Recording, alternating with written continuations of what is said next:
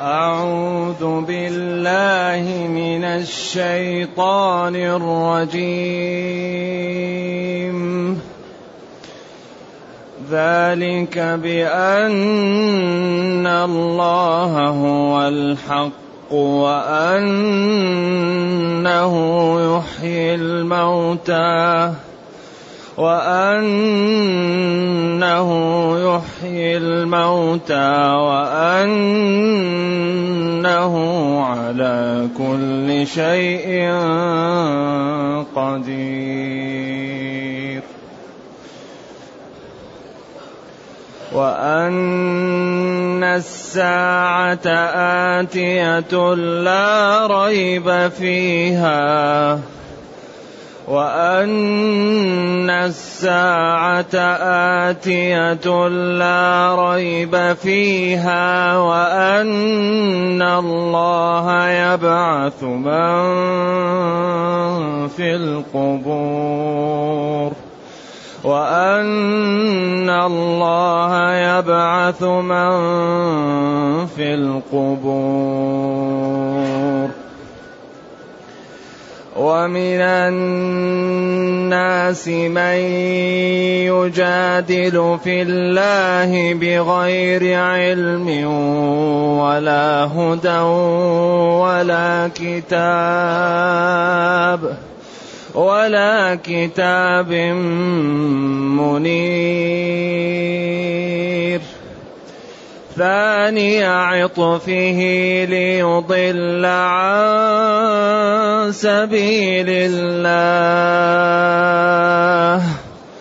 له في الدنيا خزي ونذيقه يوم القيامة عذاب الحريق. ذلك بما قدمت يداك. ذلك بما قدمت يداك وأن الله ليس بظلام للعبيد. ومن الناس من يعبد الله على حرف فإن أصابه خير اطمأن به. وإن أصابته فتنة انقلب على وجهه خسر الدنيا والآخرة.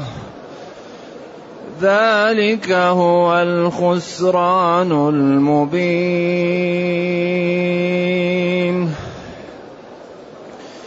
يدعو من دون الله ما لا يضره وما لا ينفعه.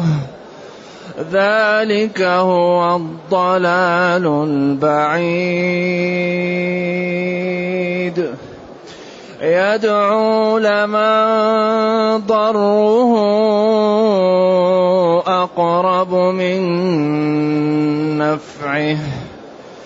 يدعو لمن ضره أقرب من نفعه. لبئس المولى ولبئس العشير.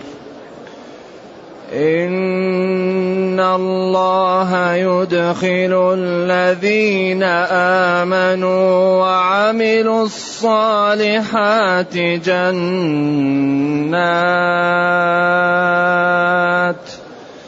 ان الله يدخل الذين امنوا وعملوا الصالحات جنات تجري من تحتها الانهار تجري من تحتها الأنهار إن الله يفعل ما يريد. الحمد لله الذي أنزل إلينا أشمل الكتاب وأرسل إلينا أفضل الرسل وجعلنا خير أمة خرجت للناس. وله الحمد وله الشكر على هذه النعم العظيمة والآلاء الجسيمة والصلاة والسلام على خير خلق الله. وعلى آله وأصحابه ومن اهتدى بهداه. أما بعد فإن الله تعالى يبين هذه الشريحة من الناس ومن الناس من يجادل في الله ذلك بما تقدم من الأوامر والنواهي ومن الترغيب والترهيب بأن الله هو الحق. ذلك الذي سبق من التخويف من يوم القيامة. وزلزلة الساعة وقدرة الله وإكرام للمتقين وعقوبة للمجرمين ذلك بأن الله هو الحق. فقوله حق ووعده حق وهو الحق. فما أخبر به حق وما قاله هو الحق وما أمر به هو الحق وما نهى عنه هو الحق النهي عنه. وأنه يحيي الموتى وأنه على كل شيء قدير وأن الساعة آتية لا ريب فيها وأن الله يبعث من في القبور. هذا تلخيص لكثير من الأمور السابقة. ذلك بأن الله هو الحق المعبود بحق الذي أوجد الكون الذي اتصف بصفات الكمال والجلال وأنه يحيي الموتى لا يحيي إلا الله. وأنه على كل شيء قدير. فالعبد إذا أطاعه يبشر بالخير لأنه قادر وعالم وغني ولا يضيع أجر من أحسن عملا. ولذلك الحياة والموت والخلق هذا من خصائص الربوبية. قل يحييها الذي أنشأها أول مرة. ولما أراد نمرود أن يغالط إبراهيم قال له أنا أحيي وأميت. إبراهيم ما أراد أن يأخذ معه في جدال. قال له إن الله يأتي بالشمس من المشرق فأتي بها من المغرب. فأبهته الله. وإلا الخبيث كان يمكن أن يقول أنا الذي جئت بها من المشرق فربك يأتي بها من المغرب لكن الله أبهته. بهت الذي كفر. يحيي ويميت. ذلك بأن الله هو الحق. الحق من حق الشيء يحق إذا ثبت.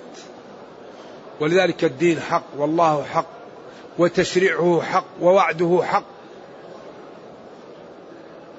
وأنه يحيي الموتى. هذا تذييل للآيات السابقة. كما قال وترى الأرض هامدة ثم قال أن الله يحيي الموتى وأنه على كل شيء قدير. إذا أليس من الجنون أن العبد يعيش على غير ما أريد منه؟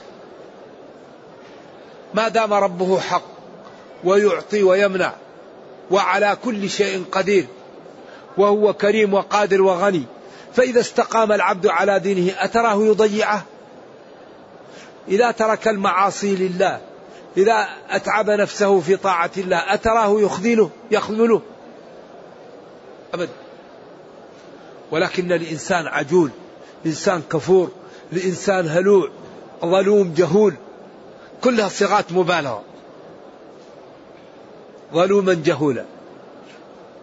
تحمل الأمانة. إذا مسه الشر جزوع وإذا مسه الخير منوع. إلا الشريحة الطيبة. رددناه أسفل سافلين إلا الذين آمنوا.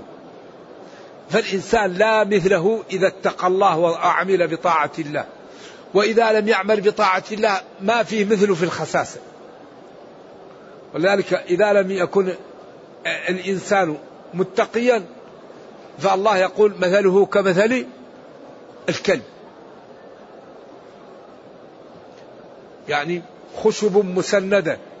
لهم قلوب لا يفقهون بها ولهم أعين لا يسمع أولئك كالأنعام بل هم أضل. وأنه جل وعلا على كل شيء قدير. إذا لماذا لا نحاول أن نحل مشاكلنا ونصل إلى مآربنا بطاعة ربنا وبالاستقامة على ديننا.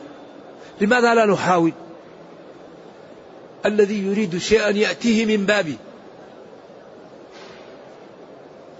الله على كل شيء قدير. ولا يضيع أجر من أحسن عملا. وقال ادعوني أستجب لكم. يده سحاء ملآ لو أنه أعطى كل أهل الأرض ما نقص ذلك من ملكه. فلماذا لا نعمل؟ جادين لأن نستفيد من شرع ربنا ونستقيم ونعمل بالصفقة التي عملها معنا ربنا. قال اشترى اشترى من المؤمنين وقال استبشروا ببيعكم.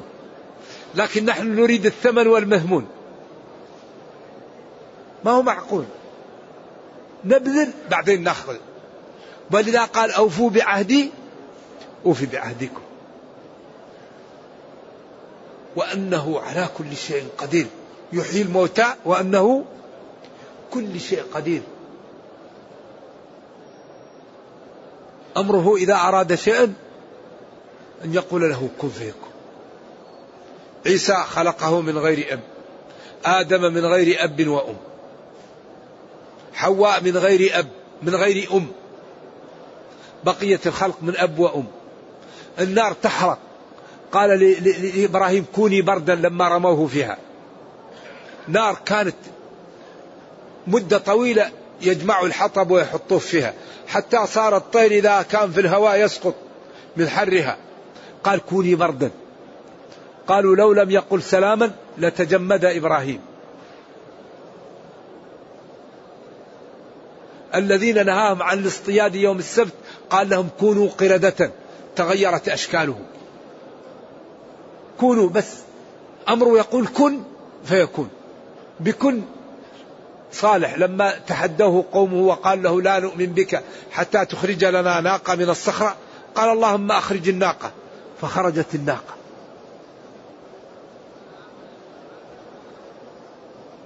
ولا يضيع أجر من أحسن عملا. والذي يتقيه يغنيه ويحميه ويهديه وينصره. فحري بنا أن نتقي الله. حري بنا أن نعمل بشرع الله؟ حمي لنا أن نجتهد لنكون من عباد الله. لا يمكن الواحد يكون من عباد الله إلا إذا كابد نفسه كابد هواه كابد شهوته كابد محابه فقدم عنها محاب الله. عند ذلك يكون من عباد الله الصالحين فإذا دعا استجيب له وإذا احتاج أغناه وإذا أراد شيطان من شياطين الإنس أو الجن أن يأذيه الله يحميه. إن عبادي ليس لك عليهم سلطان إنما سلطانه على الذين يتولونه. بعدين قال وأن الساعة آتية لا ريب فيها. هذه المشكلة الكبيرة. الذي يريد أن يسخر من المتقين ويترك عبادة رب العالمين يمنع نفسه من قيام الساعة. لذلك هذه الدنيا قليل. قل متاع الدنيا قليل. الواحد يعيش مئة سنة. كم مئة سنة من عمر الزمن؟ كم؟ لا تأتي ثانية. إذا إذا صبر الإنسان في عمره وعمل بطاعة الله وترك معاصيه كم الأرباح التي يربحها. وإذا ضيعها كم من الخسارة يخسر؟ إذا الساعة آتية. وقد وصفها قبل بقليل إن زلزلة الساعة شيء عظيم. وأن الله يبعث من في القبور يحيي من في القبور. ويجازى كل بعمله. ثم قال جل وعلا ومن الناس من يعبد الله على حرف. ومن الناس من يجادل في الله بغير علم ولا هدى ولا كتاب منير. هذه الثلاثة هي الذي ينبغي أن يتكلم الإنسان على ضوئها. يجادل بعلم. يكون عرف المعقول وعرف الحجج وعرف الأدلة وعرف مجاري الكلام. أو يكون عنده عقل وعنده ذوق وفهم للحياة فيكون عنده هدى لما أعطاه الله من الذوق والفهم أو يكون عنده وحي. إذا هذه الثلاثة هي التي يأتي منها موارد علم درسوا تجربة. علم أن النار تحرق. علم أن الصدق صاحبه يوثق فيه. علم أن الذي يكرم الناس ويتغاضى عنها يحبونه ويدعون له. جرب علم بالتجربة أو هدى استنارة فهم وذكاء وقوة استنباط أو وحي كتاب منير. إذا هذا يتكلم لا علم عنده ولا هداية ولا وحي فهو يتكلم بالباطل. إذا كلامه باطل لأنه لا, لا أساس له. ولذلك الدين كل ما يدعو له لا يخالف العقل. يعني أي أي حكم يأتي به الدين أو أي نهي ينهى عنه الدين لا بد أن تجد المنهي عنه ضار ولا فائدة فيه أو ضرره أكثر من نفعه ولا بد أن تجد أن المأمور به فيه منافع. لذلك أول ما أمر بعبادته الله لأنه أوجدك ثم بعدهم الوالدين لأنهم السبب بعد الله. وبالوالدين إحسانا. ويقول نبينا من عمل لكم معروفا فكافئوه. بعدين ما عندك شيء ادعوا له. ونهى عن يعني الإساءة وأمر بالتغاضي وأمر بالصبر وأمر بالستر. يعني دين عجيب الحقيقة الإسلام. بس نحن المسلمون نائمون.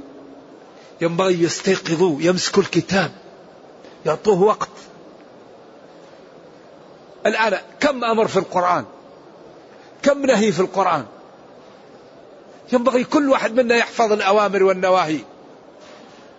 كم الأوامر التي للوجوب؟ كم الأوامر التي للسنة؟ كم النواهي التي للتحريم؟ كم النواهي التي للكراهة؟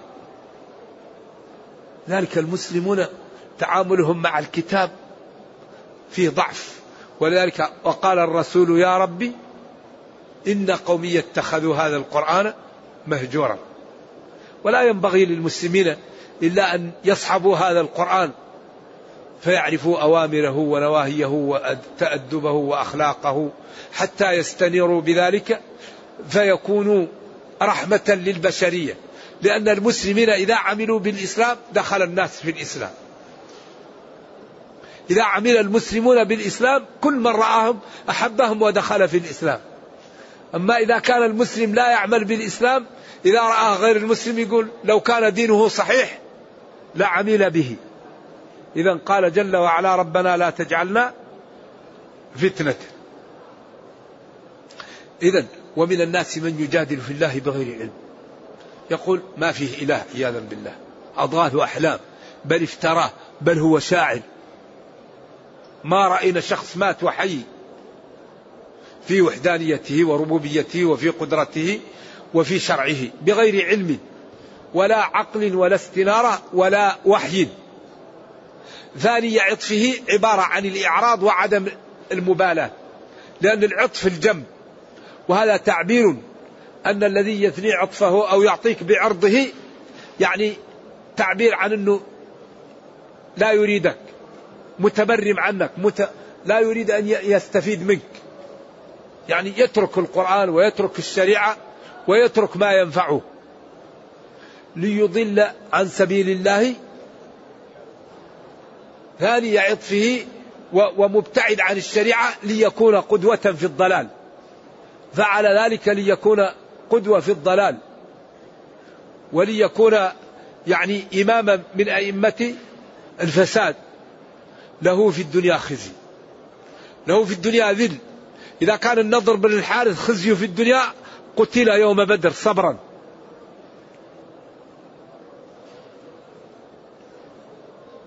ولذلك جاءت بنت على القول الراجح أو أخت على القول المرجوح.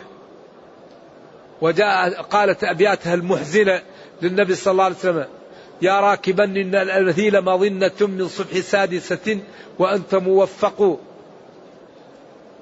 كذا إلى أن تقول أبلغ ميتا بأن تحية ما إن تزال بها النجائب تخفق.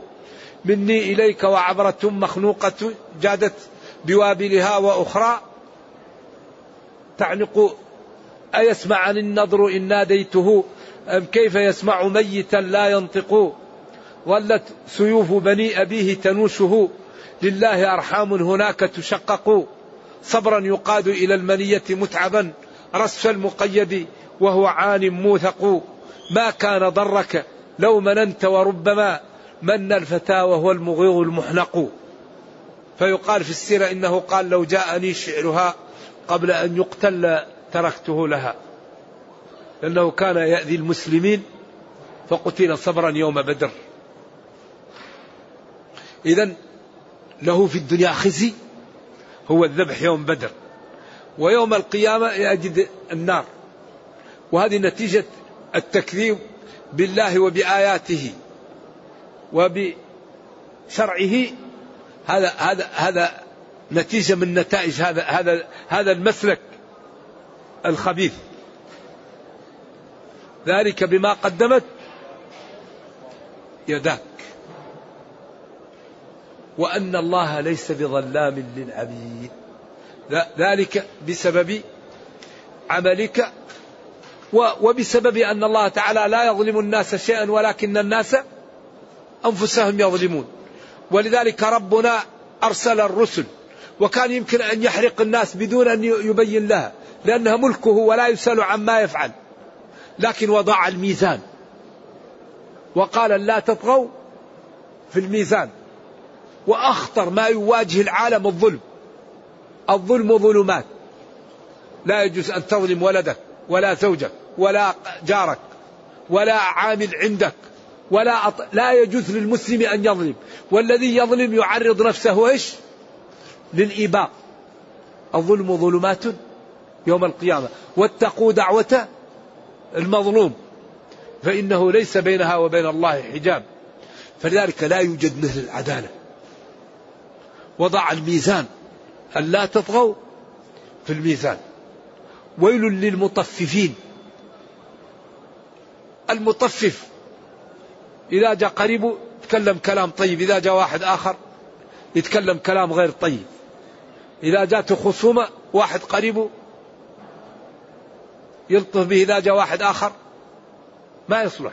التطفيف في الكيل وفي الكلام وفي الشريعة وفي البيوع وفي التعامل كل شيء يطفف فيه الإنسان. لكن واضحة في الكيل. بعدين التطفيف قليل لأنه إذا أخذ كثير الناس ما ترضى. لكن طفف قليل قليل ينجس له المال ويخرب عليه. ولذلك ألا يظن أولئك أنهم مبعوثون ليوم عظيم؟ هذا اليوم هو الذي يخوف به. زلزلة الساعة.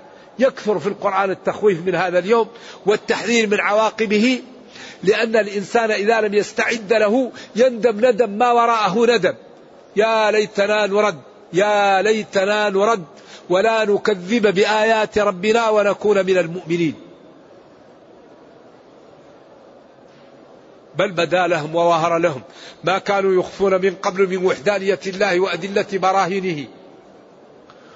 ولكن عياذا بالله الضلال عجيب. فهذا يقرأ علينا ونسمعه ونحن في الدنيا. فالحمد لله.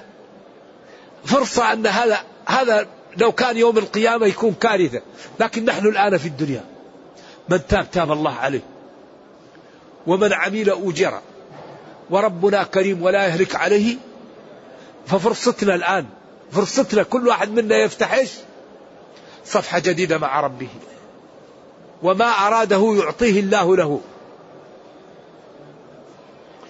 ومن الناس من يعبد الله على حرف من تبعيضية الناس الخلق. يعبد يطيع الله المعبود بحق على حرف على ناحيته والحرف هو نهاية الجبل الذي إذا تعداه الإنسان سقط. فكأنه في نهاية الدين لم يتوغل فيه ولم يفهمه حتى يكون داخل في الدين.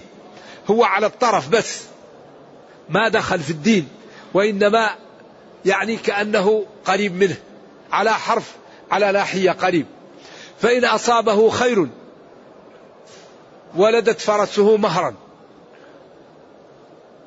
أو أتت زوجه بولد أو أتت غنمه بنتاج جيد. وجاءه المال قال هذا دين ممتاز وهذا الرجل مبارك. وإن أصابته فتنة قال هذا الدين ما جاءنا بخير ولا فائدة فيه وكفر وراح عن الدين عياذا بالله. وإن أصابته فتنة انقلب على وجهه.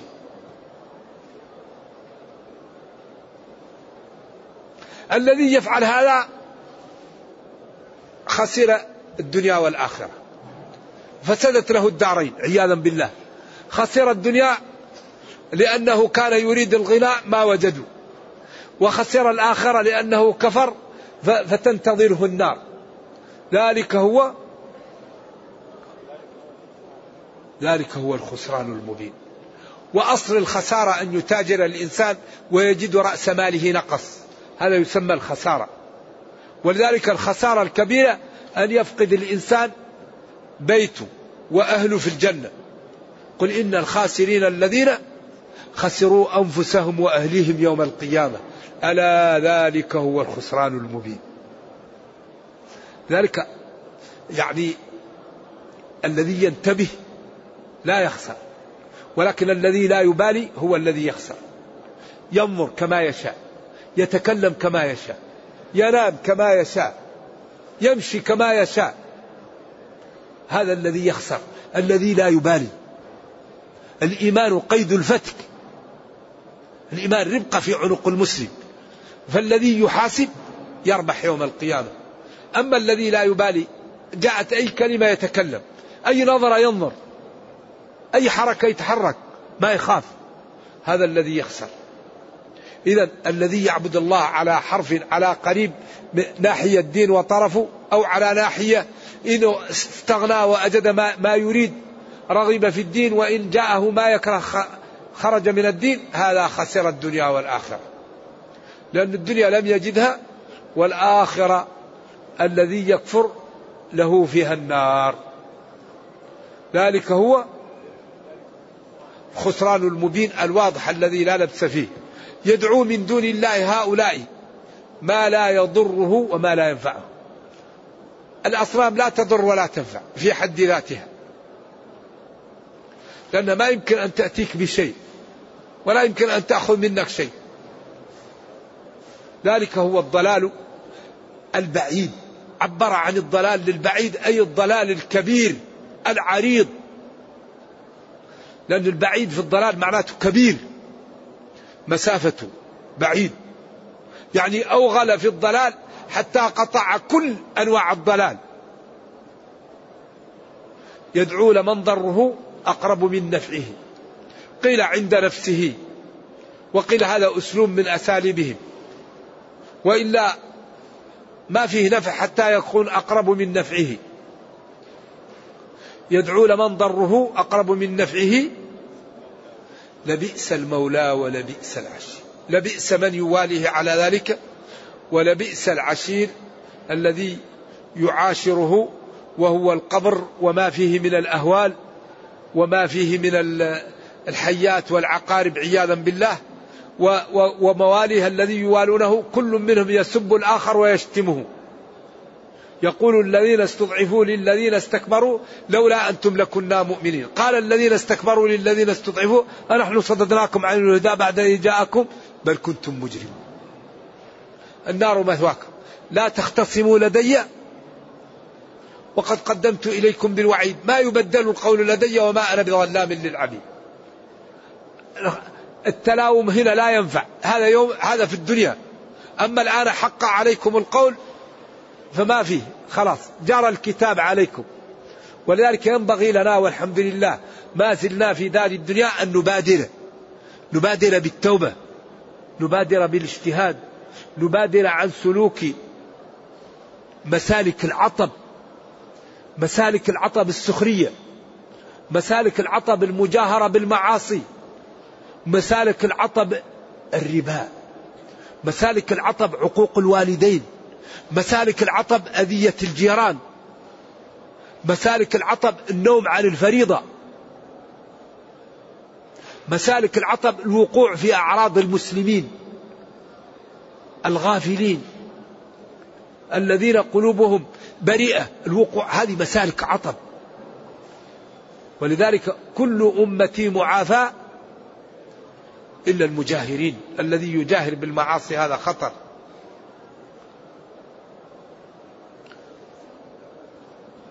لبئس المولى ولبئس العشير. ثم قال إن الله يدخل الذين آمنوا وعملوا الصالحات جنات تجري من تحتها وكل القرآن على هذا.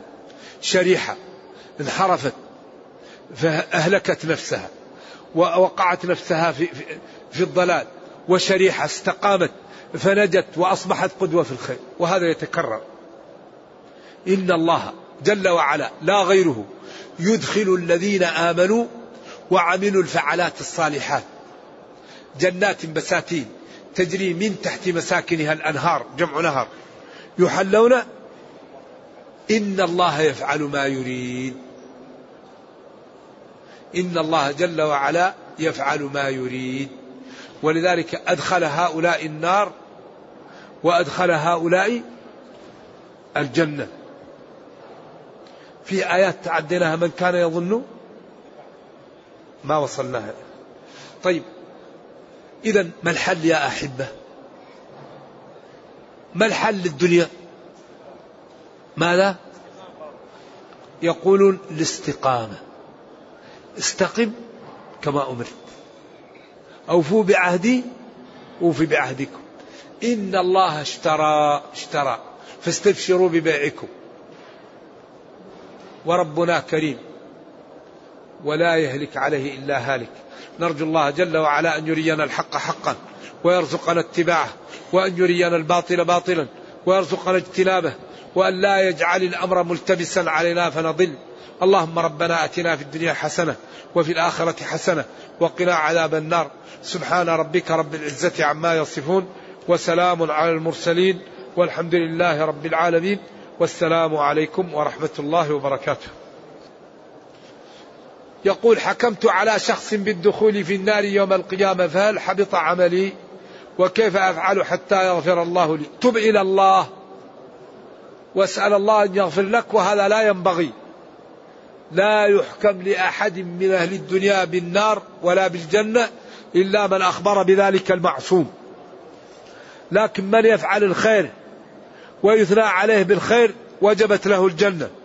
ومن يفعل الشر ويثنى عليه بالشر يخاف عليه من النار. ولذلك أنتم شهود الله في الأرض. ذلك لا ينبغي للمسلم أن يفعل المعاصي ليراه الناس حتى لا يشهدوا عليه. من أتى شيئا من هذه القاذورات فليستتر بستر الله. كيف نرد على من يقول إن التجويد غير لازم لعدم وجود أي دليل في القرآن ولا في السنة. وجزاكم الله خير. الذي يقول إن التجويد غير لازم قوله غير لازم. نعم. والأخذ بالتجويد حتم لازم. من لم يجود القرآن آثم. هذا كلام صاحب الفن ابن الجزري الذي عمل النشر. وكل علم يؤخذ من أهله. وربنا قال ورتل القرآن ترتيلا. ولما قرأ الرجل على ابن مسعود وقال براءة قال ما هكذا أقرأنيها رسول الله؟ براءة من الله.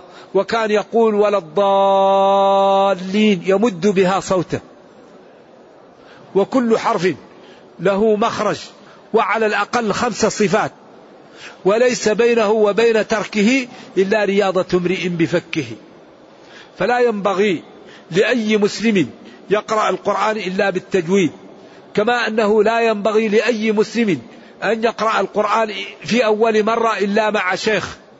القرآن لا يقرأ وجادة لا بد فيه من الشيخ والذي يهجم على المصحف ويقرأه من غير شيخ ويقول الصلاة صلوات ويقول مئة مائة ويزيد حروف مكتوبة لا تقرأ هذا لا يجوز. جبريل علمه الله جل وعلا وجبريل علم نبينا صلى الله عليه وسلم ومحمد صلى الله عليه وسلم علم الصحابة والصحابة علموا التابعين حتى وصل إلينا والذي يقول أن التجويد غير لازم قوله غير لازم. نعم. يقول حاول أن يترك العادة السرية فلم يستطع هذا لا يجوز. والذين هم لفروجهم حافظون إلا على أزواجهم أو ما ملكت أيمانهم. وهذا لا يجوز ولا ينبغي وإن قال بعض العلماء أنه مثل الحجامة فهذا مرجوح لأنه لا يجوز ويضر ولذلك ينبغي للمسلم أن يتزوج. قال وأنكحوا الأيام منكم والصالحين من عبادكم وإمائكم إن يكونوا فقراء يغنهم الله من فضله. وقال وليستعفف الذين لا يجدون نكاح ما قال ولينكح يده الذي لا يجدون نكاحا. ما يجوز هذا. هذا أمر لا يجوز ومضر للصحة. وبعدين قال فمن لم يستطع فعليه بالصوم فإنه له وجاء. فهو أمر مضر ولا يجوز. وإن كان أخف من الفاحشة لكن لا ينبغي. تقول قلتم أن النطف لا يكون وليها. أباها نرجو تفصيل ذلك. النطفة من الزنا أبوها ليس أبا لها ولا أب لها.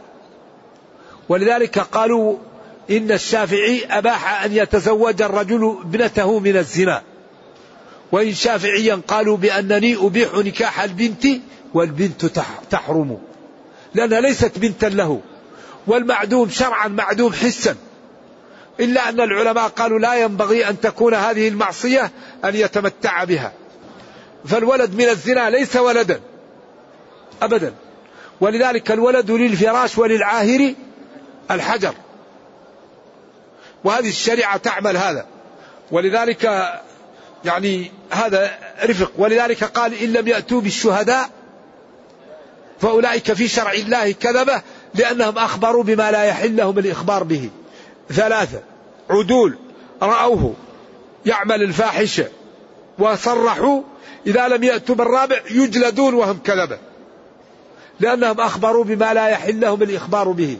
إذا فأولئك في حكم الله وشرعه هم الكاذبون لأنهم أخبروا بما لا يحل الإخبار به. يقول مات جدي وهو لا يصلي جهلا. منه بالدين. فهل لي أداء النسك عنه؟ والله من لا يصلي مشكل. العهد الذي بيننا وبينهم الصلاة فمن تركها فقد كفر. وهل الذي يعيش بين المسلمين.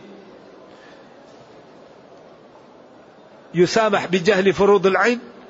على كل حال يمكن أن تحج عن أبيك وتسأل له إذا كان يقول لا إله إلا الله وتسأل له التوبة وإن كان ترك الصلاة خطير جدا. كثير من العلماء يقول كفر. وبعض العلماء يقول كفر دون كفر. لأنه قال من حافظ عليها كان له عهد عند الله أن يدخله الجنة ولم يحافظ ومن لم يحافظ عليها فليس له عهد عند الله. إن شاء عذبه وإن شاء أدخله الجنة والكافر لا يدخل الجنة. هذا من الأدلة والخلاف معروف. نعم لكن نرجو الله السلامة والعافية. ما معنى ورهبانية ابتدعوها؟ أي الرهبانية هي العبادة. عبادة ابتدعوها لم تسرع لهم. يسأل عن زوجه بعد خمس وثمانين خمس ثمان وخمسين يوما من الولادة. العلماء اختلفوا في النفساء فالجمهور قالوا أربعين يوما. وما بعد أربعين يوما فهو دم علة. ومالك وجماعة من العلماء قالوا ستون يوما. فما دامت قبل الستين فالدم الذي تراه دم نفاس. ولكل أدلة والأخذ بالأحوط أولى. نعم. يقول قوله تعالى إنا سنلقي عليك قولا ثقيلا. وقوله تعالى ولقد يسرنا القرآن للذكر فهل من مدكر. ظاهرهما التعارض فما الجواب. يعني الجانب الثقيل هو التشريعات. نعم. إنها لكبيرة إلا على الخاشعين. الصلاة صعب الصوم حبس النفس عن الشهوات. هذا ثقيل. هذا الدين ثقيل وتشريعات. والقرآن ميسر للذكر إذا قرأه الإنسان يحفظه. ولذلك يحفظه الكبير والصغير والعربي والعجمي. ميسر للذكر لجماله وحسن أسلوبه ولروعة ما جاء به. ولذلك اختار له الله أحسن الحروف في أحسن الكلمات في أحسن النظم في أحسن المعاني. فجمع بين السلاسة والفخامة وبين الجزالة والعذوبة وهذا لا يعد في كلام البشر. ما هو كثير هذا؟ يقول إنه يدرس في جامعة الملك عبد العزيز بجدة وأهله بينبع ويريد أن يأخذ عمرة. هل يذهب إلى الميقات أم يحرم من جدة المحل الذي جاءتك فيه النية تحرم منه. إن جاءتك نية الإحرام في جدة فأحرم في جدة. وإن جاءتك في ينبع فأحرم من إيش؟ من الميقات من الجحفة. أما تمر بالجحفة وأنت عندك نية بالميقات لا.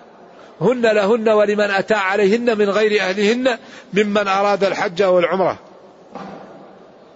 يقول له أسرة في خارج المملكة ويريد أن يأتيها ولا محرم لها فهل يجوز أن يستجلب يعني أسرته من غير محرم؟ الله أعلم. يقول كيف يوازن الإنسان بين أمور الدنيا والآخرة؟ مثلا كيف يحول حياته الزوجية إلى الدين؟ الإنسان المسلم حياته كلها دين. يتعامل مع أهله بالدين ويقوم ويسلم بالدين ويقعد وكل حياته للدين. لذلك المسلم إذا أخلص نيته وتعلم كل أعماله تكتب له. ولذلك كان بعض السلف يقول أطلب في قومتي في نومتي ما أطلب في قومتي. العلماء يقول أنا أنام وأطلب في النوم ما أطلبه في الصلاة. لأني إذا لم أنام أموت. فلذلك هذا الدين يسر. والأعمال بالنيات فالمسلم كل أعماله تكتب له. ما حجة حديث ماء زمزم لما شرب له. كيف هذا؟ ما هو مفهوم. حجته هو نفس هذا. ماء أيوة ما صحته. هذا وارد وارد. ماء زمزم لما شرب له. ما أعرف الدرجة الآن. لكن أنه شفاء السقم وطعام الطعم. ولما لما شرب له هذا وارد. ما لا يفعل من يتوب ثم يعود للمعصية يتوب. وكل ما تاب تاب الله عليه. يقول هذا بينه وبين أهله خلاف شديد. وقال لها اذهبي إلى أهلك فقالت أريد أن نبقى. فهل إذا لم يعطها حقها يكون ظالم؟ يكون ظالما لها؟ نعم. إمساك بمعروف أو تسريح بإحسان. ولن تستطيعوا أن تعدلوا بين النساء بين النساء ولو حرصتم. فلا تميلوا كل الميل. ولهن مثل الذي عليهن بالمعروف. ولذلك لا يجوز للمسلم أن يظلم زوجه. يعطيها حقها. فإن أراد أن يصبر عليها وهو لا يريد شيئا فيها له الأجر. وإن أراد أن يتركها يمتعها ويتركها كما قال فإمساك بمعروف أو تسريح بإحسان. ولذلك قال استوصوا بالنساء خيرا فإنهن عوان عندكم. من أراد أن يقيمها كسرها وكسرها طلاقها وإن المرأة خلقت من ضلع وإن أعوج الضلع أعلاه فاستوصوا بالنساء خيرا. فلذلك لا يكرمهن إلا كريم ولا يهنهن إلا لئيم. خياركم خياركم لأهله. نرجو الله جل وعلا أن يوفقنا وإياكم.